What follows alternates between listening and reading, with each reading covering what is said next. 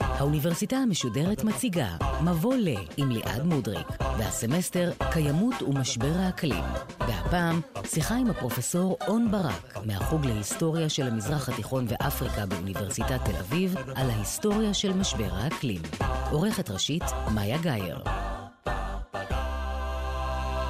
שלום לכם. הפעם באוניברסיטה המשודרת מבוא לקיימות ולמשבר האקלים, היסטוריה. כמו כל תופעה אנושית, ואולי כל תופעה בכלל, גם את משבר האקלים אפשר לבחון מזווית היסטורית, בניסיון להבין כיצד הוא השתנה עם השנים וכיצד השתנה היחס שלנו אליו. כדי לעשות זאת, הזמנו לאולפן את פרופסור און ברק, היסטוריון וחבר סגל בחוג להיסטוריה של המזרח התיכון ואפריקה באוניברסיטת תל אביב. שלום לך. היי, שלום. אז עד כמה המחקר ההיסטורי נוכח בשיח הזה סביב משבר האקלים? לא מספיק, אני חושב שצריך הרבה יותר ממנו. אני יכול גם להסביר למה. בדרך כלל אנחנו מזהים את המשבר הזה עם מדעי הטבע. ומדעי הטבע אומרים לנו שהמשבר הוא אנתרופוגני, הוא מעשה ידי אדם, ולכאורה הם מזמינים אותנו, את אנשי מדעי החברה ומדעי הרוח, לדבר עליו. אבל הם עושים גם דבר נוסף שהוא אה, יותר בעייתי. הם מגדירים את המושא, את האחראים למשבר האקלים הזה כאנושות או כמין אנושי, כמין ביולוגי. ולפיכך הם אה, הופכים אותו ללא פוליטי, כי פוליטיקה זה עניין בין אנשים, בין קבוצות, בין חברות, זה לא משהו בין האנושות לאיזה משהו חיצוני לאנושות. ואנשי מדעי הרוח והחברה, והיסטוריונים בפרט, יודעים לתאר דינמיקות פוליטיות בין קבוצות ואנשים וגורמים ומוסדות וכוחות, ולהפוך את הסוגיה הזו לסוגיה בוערת כמו שהיא באמת. ואולי גם ללמד אותנו כמה לקחים היסטוריים על איך כדאי להתנהל עכשיו. בהחלט, אני, אה, אני מקווה שזה מה שאנחנו מביאים לשולחן.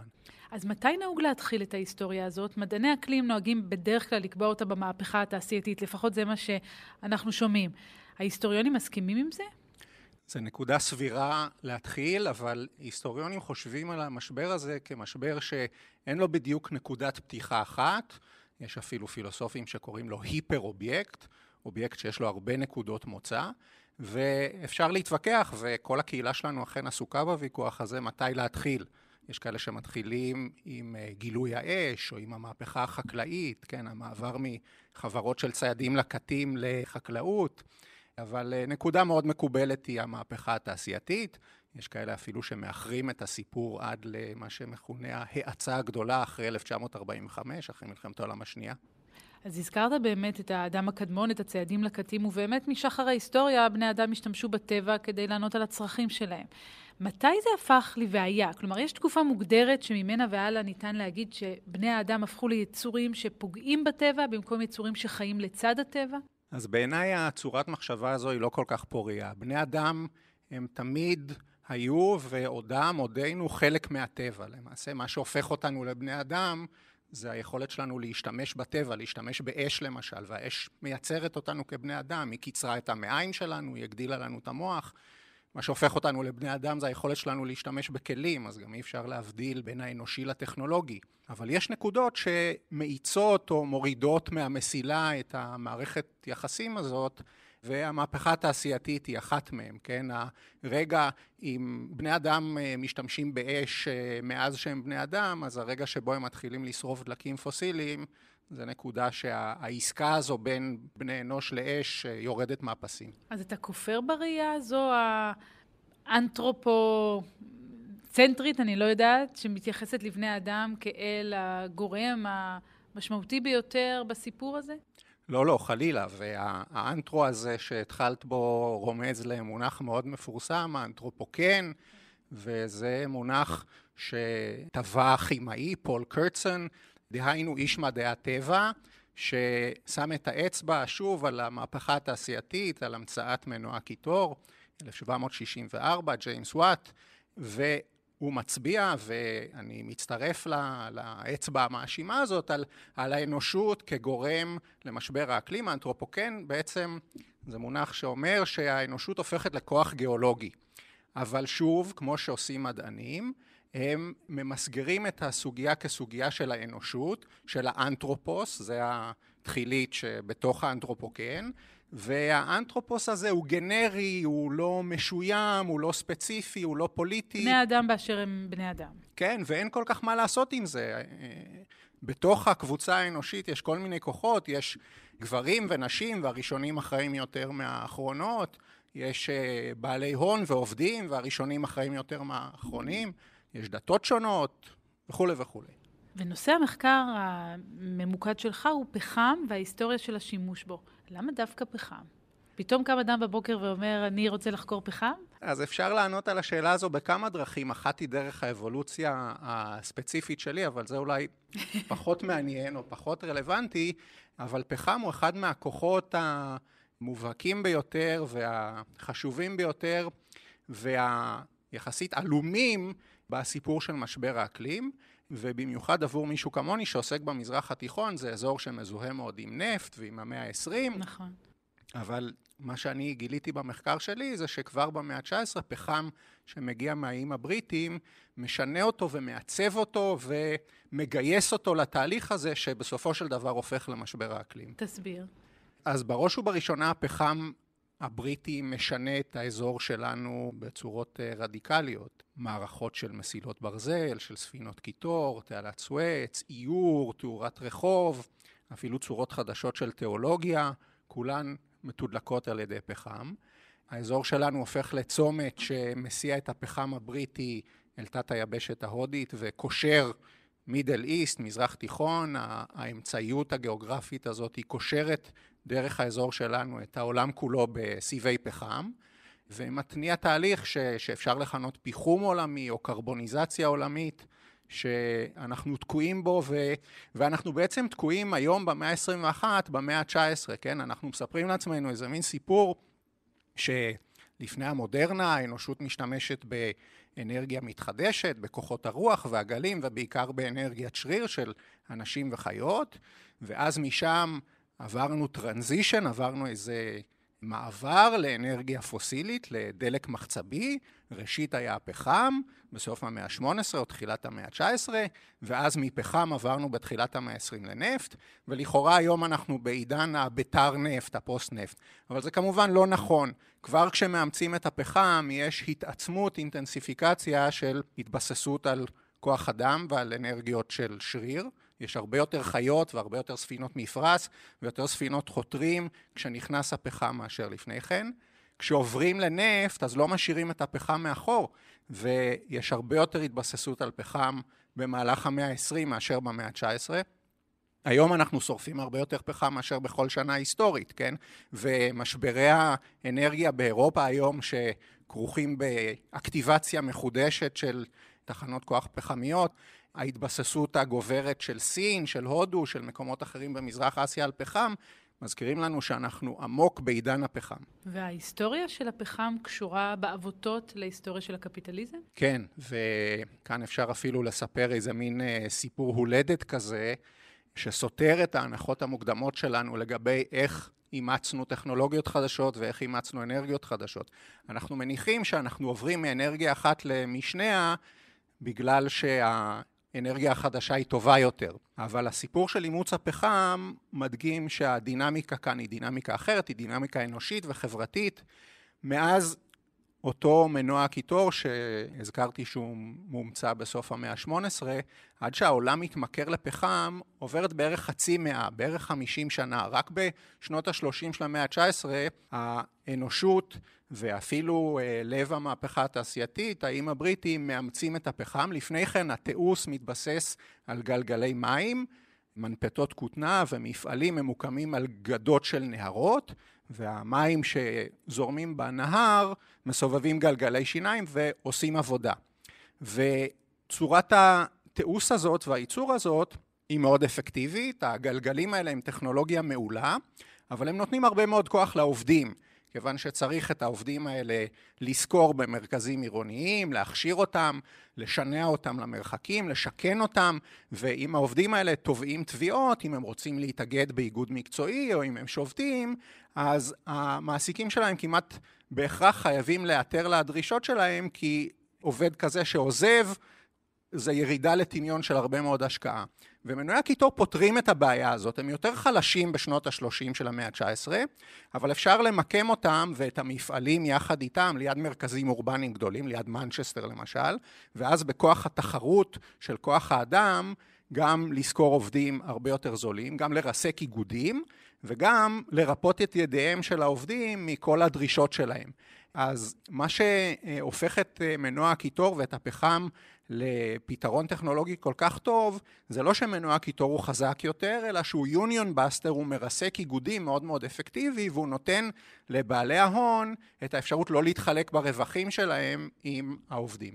כמה מהר השימוש בפחם מתפשט ברחבי העולם? מאוד מהר, כן, אז באותו רגע מכונן שבו פחם מאומץ בתעשיית הטקסטיל, שזה הלב הפועם של המהפכה התעשייתית, אנחנו רואים פחם גם מסיק משאבות קיטור בדלתא של הנילוס, ומאפשר מעבר להשקיה רב-שנתית ולגידול של כותנה ארוכת סיבים, אותו חומר גלם שמגיע למנצ'סטר. אז ממש תוך שנים ספורות החומר גלם הזה מתחיל לטייל בכל העולם ולהדביק את כל העולם במגפה הזאת, בנגע הזה. וזה גם דרך אגב מחדד לנו עובדה מאוד חשובה, שהתהליך הזה, המהפכה התעשייתית היא תהליך גלובלי, כן? היא לא משהו שמתחיל במערב ולאט לאט מפעפע החוצה, הוא תלוי בחיבור הגלובלי הזה מלכתחילה.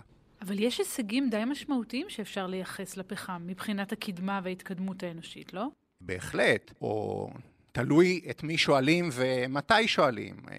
בוודאי במאה ה-19 ובמאה ה-20 פחם והרכבות וספינות הקיטור והטלגרפים מאפשרים לנו לנוע הרבה יותר מהר במרחב ולתקשר אחד עם השני עם uh, מערכות תקשורת כמעט בזמן אמת, והפחם מאפשר לשנע מוצרי מזון, בשר למשל, ולהגדיל את ההתבססות של אנשים על uh, חלבון מן החי. הפחם עושה הרבה מאוד דברים טובים, אבל יכול להיות שעוד כמה עשורים נסתכל על הדברים שאנחנו מגדירים עכשיו כטובים ועל המהפכה התעשייתית ונראה בה איזה מין רגע שואתי.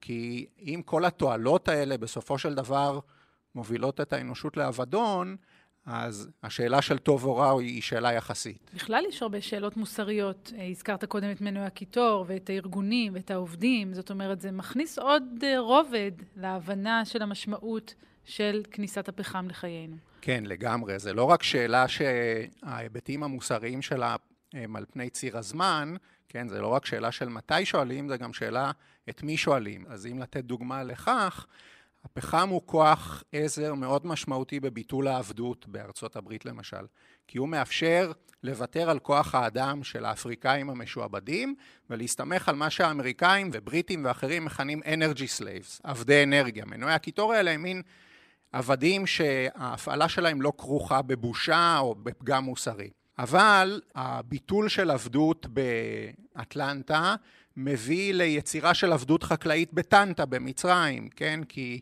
המקומות האלה אמרנו קשורים בעבותות גם בסיבי פחם וגם בסיבי כותנה, וכדי לעמוד בביקוש לכותנה שמלחמת האזרחים האמריקאית אה, מייצרת מלחמת האזרחים האמריקאית משבשת את ייצור הכותנה בדרום האמריקאי, והשוק עובר למגדלים במצרים, בהודו, ושם מופיעות תופעות חדשות כמו עבדות חקלאית. או דוגמה אחרת היא שביטול העבדות באוקיינוס ההודי מביא לריכוז מאוד מאוד גדול של עבדים משוחררים בתחנות תדלוק, כמו עדן בתימן, ושם חברות ספנות יכולות להתחרות ולשכור עובדים במחירי רעב, להעסיק אותם בעבודות הכי מאמללות של המאה ה-19 כמסיקי דוודים וכמטעיני פחם. אז אם רק לתת ככה דוגמה מה האנשים האלה עושים, באוגוסט, באוקיינוס ההודי, במפרץ עדן, הטמפרטורות בחדר המנועים בספינת קיטור יכולות להגיע ל-70 מעלות צלזיוס, וואו. והאנשים האלה נכלאים בחדר המנועים, מסיקים את המנוע עד שהם מתעלפים, ואז לוקחים אותם לסיפון העליון ומחיים אותם בעזרת קרח, שגם הוא מיוצר על ידי פחם במכונות קרח.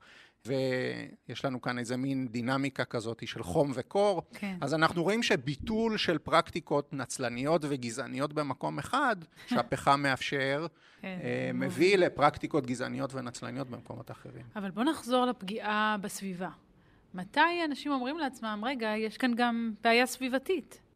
אנשים אומרים את זה מהרגע הראשון שהם מתחילים לשרוף פחם. באמת. כן, ואפילו אה, דמויות מאוד, מאוד מפורסמות כמו גרטה טונברג, הסבא רבא רבא שלה, כימאי שוודי, הוא אחד מהראשונים ששם את האצבע על אפקט החממה ועל ההשפעה של שריפה של פחם על התחממות גלובלית. כלומר, מסוף המאה ה-19 אנחנו מכירים את הנזקים, או לפחות יש כאלה שמצביעים עליהם. וזה משנה למישהו?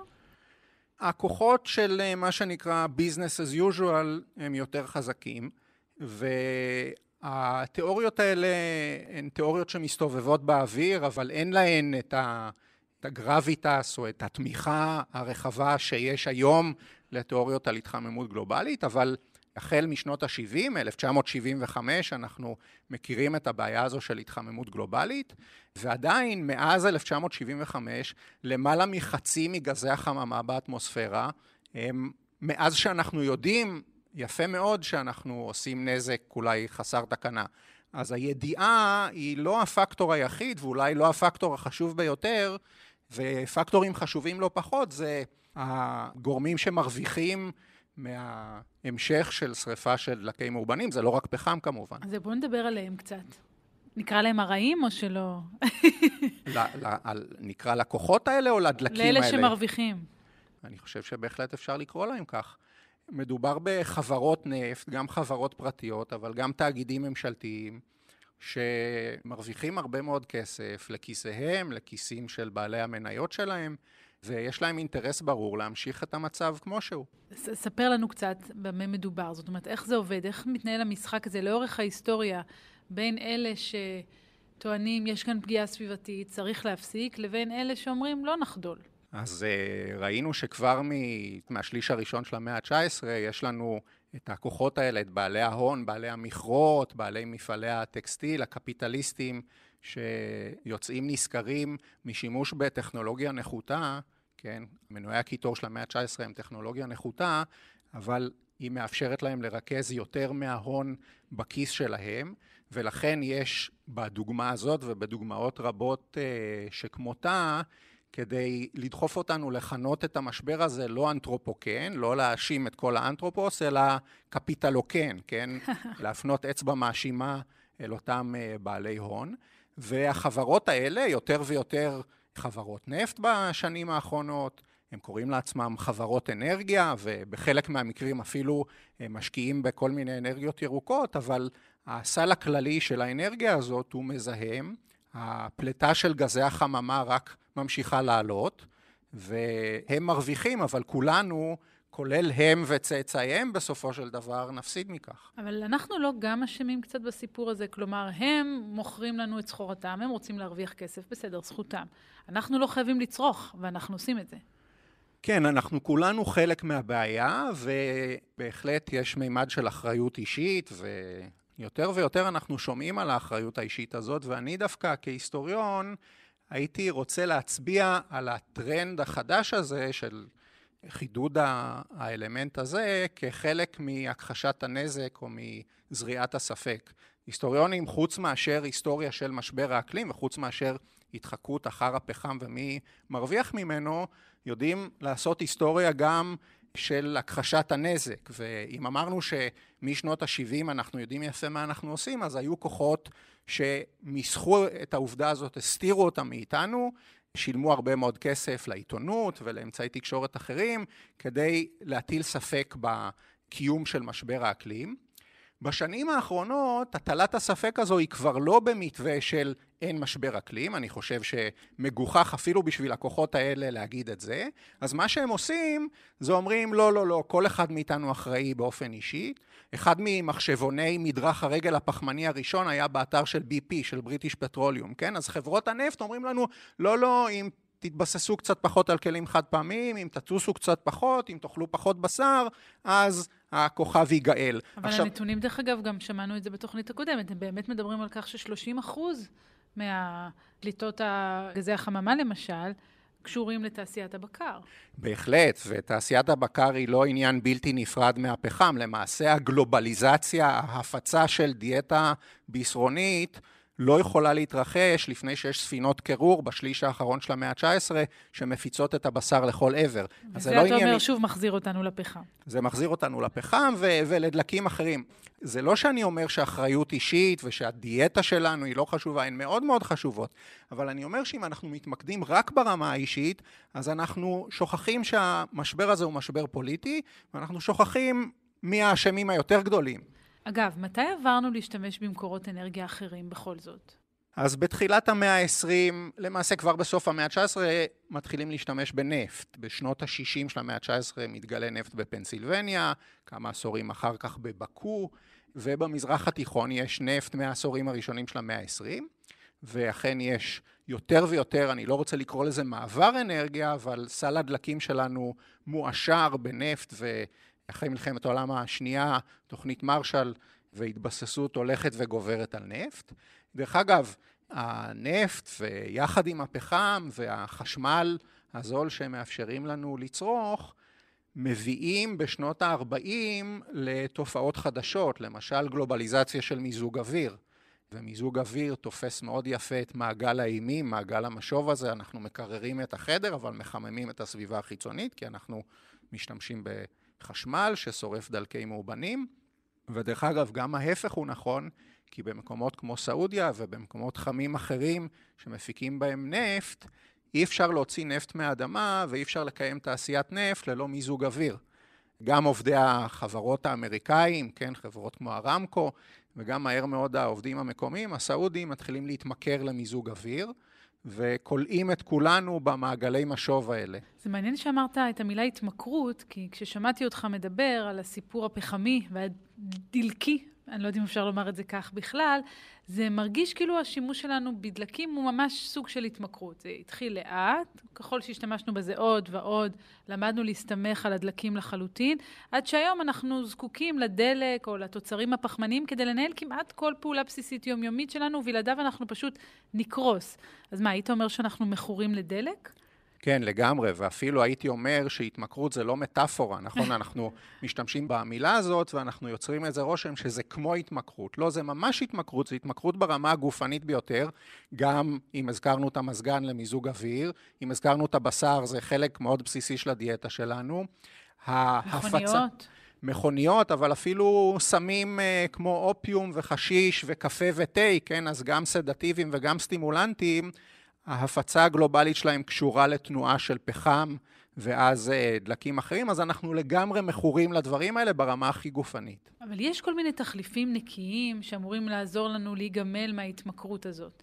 מהפרספקטיבה ההיסטורית שלך, אתה חושב שאנחנו מסוגלים להיגמל?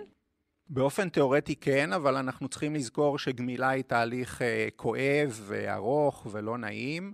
וכרגע אין איזה פתרון קסם או מקור אנרגיה חלופי, יש כל מיני דברים מאוד אה, מרגשים ומאוד מבטיחים, אבל מבחינת ההיקף וקנה המידה, שום דבר לא יכול בינתיים להחליף את ההתבססות או ההתמכרות שלנו לדלקי מחצבים, לדלקים פוסיליים, ולכן הדבר החשוב ביותר שאנחנו צריכים לעשות זה להפחית מאוד את השימוש שלנו בדלקים האלה.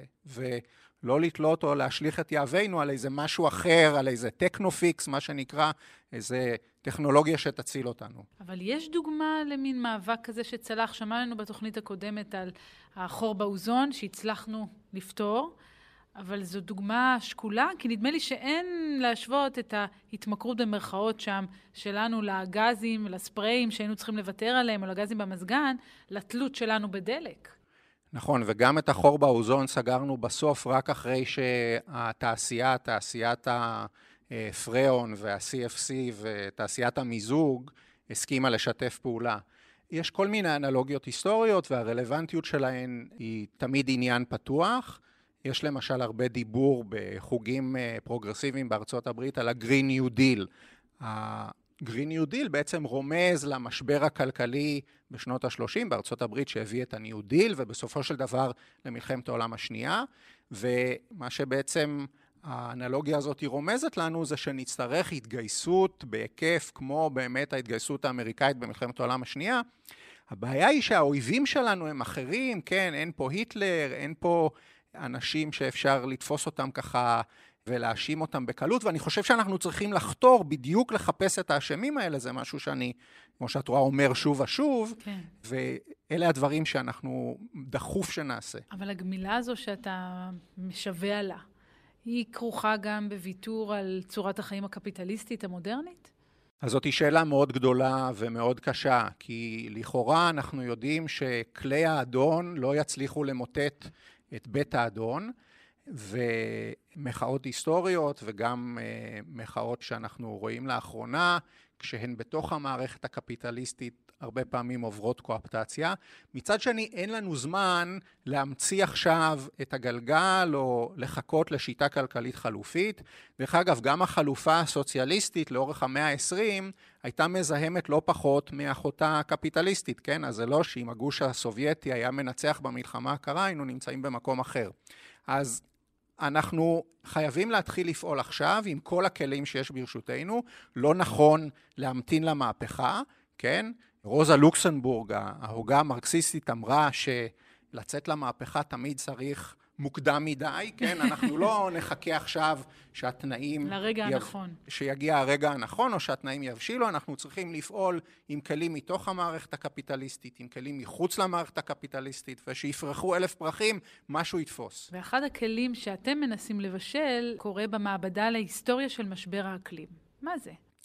המעבדה להיסטוריה של משבר האקלים היא גוף שקם בבית ספר להיסטוריה באוניברסיטת תל אביב, ואבנר וישניצר ואני מובילים זו השנה השלישית, והמעבדה היא גוף שיש לו רגל מחקרית ורגל אקטיביסטית, הוא מנסה גם להבין את העולם ובעזרת ההבנה הזאת לשנות אותו, ולחפש בדיוק תשובות לשאלה ששאלת קודם, איזה תקדימים היסטוריים או לקחים היסטוריים, החל מצמחונות גנדיאנית, כן, שהיא צמחונות שונה לחלוטין מהצמחונות שלנו במערב. במערב יש לנו מין צמחונות כזו שהיא life choice, שהיא סגנון חיים, אבל גנדי מנסח צמחונות שהיא צמחונות קהילתית, שהיא דרך לקואליציות עם בין הינדואים ומוסלמים למשל, גם בתת היבשת ההודית וגם במזרח התיכון, ואת הצמחונות הזו אפשר לרתום להיאבק בתעשיית הבשר.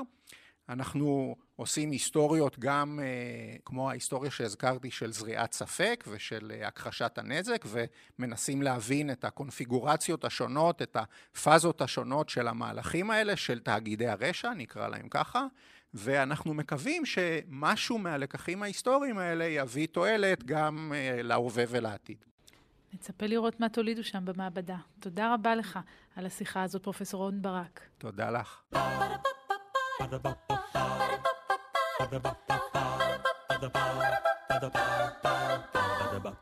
האוניברסיטה המשודרת, מבוא לקיימות ולמשבר האקלים.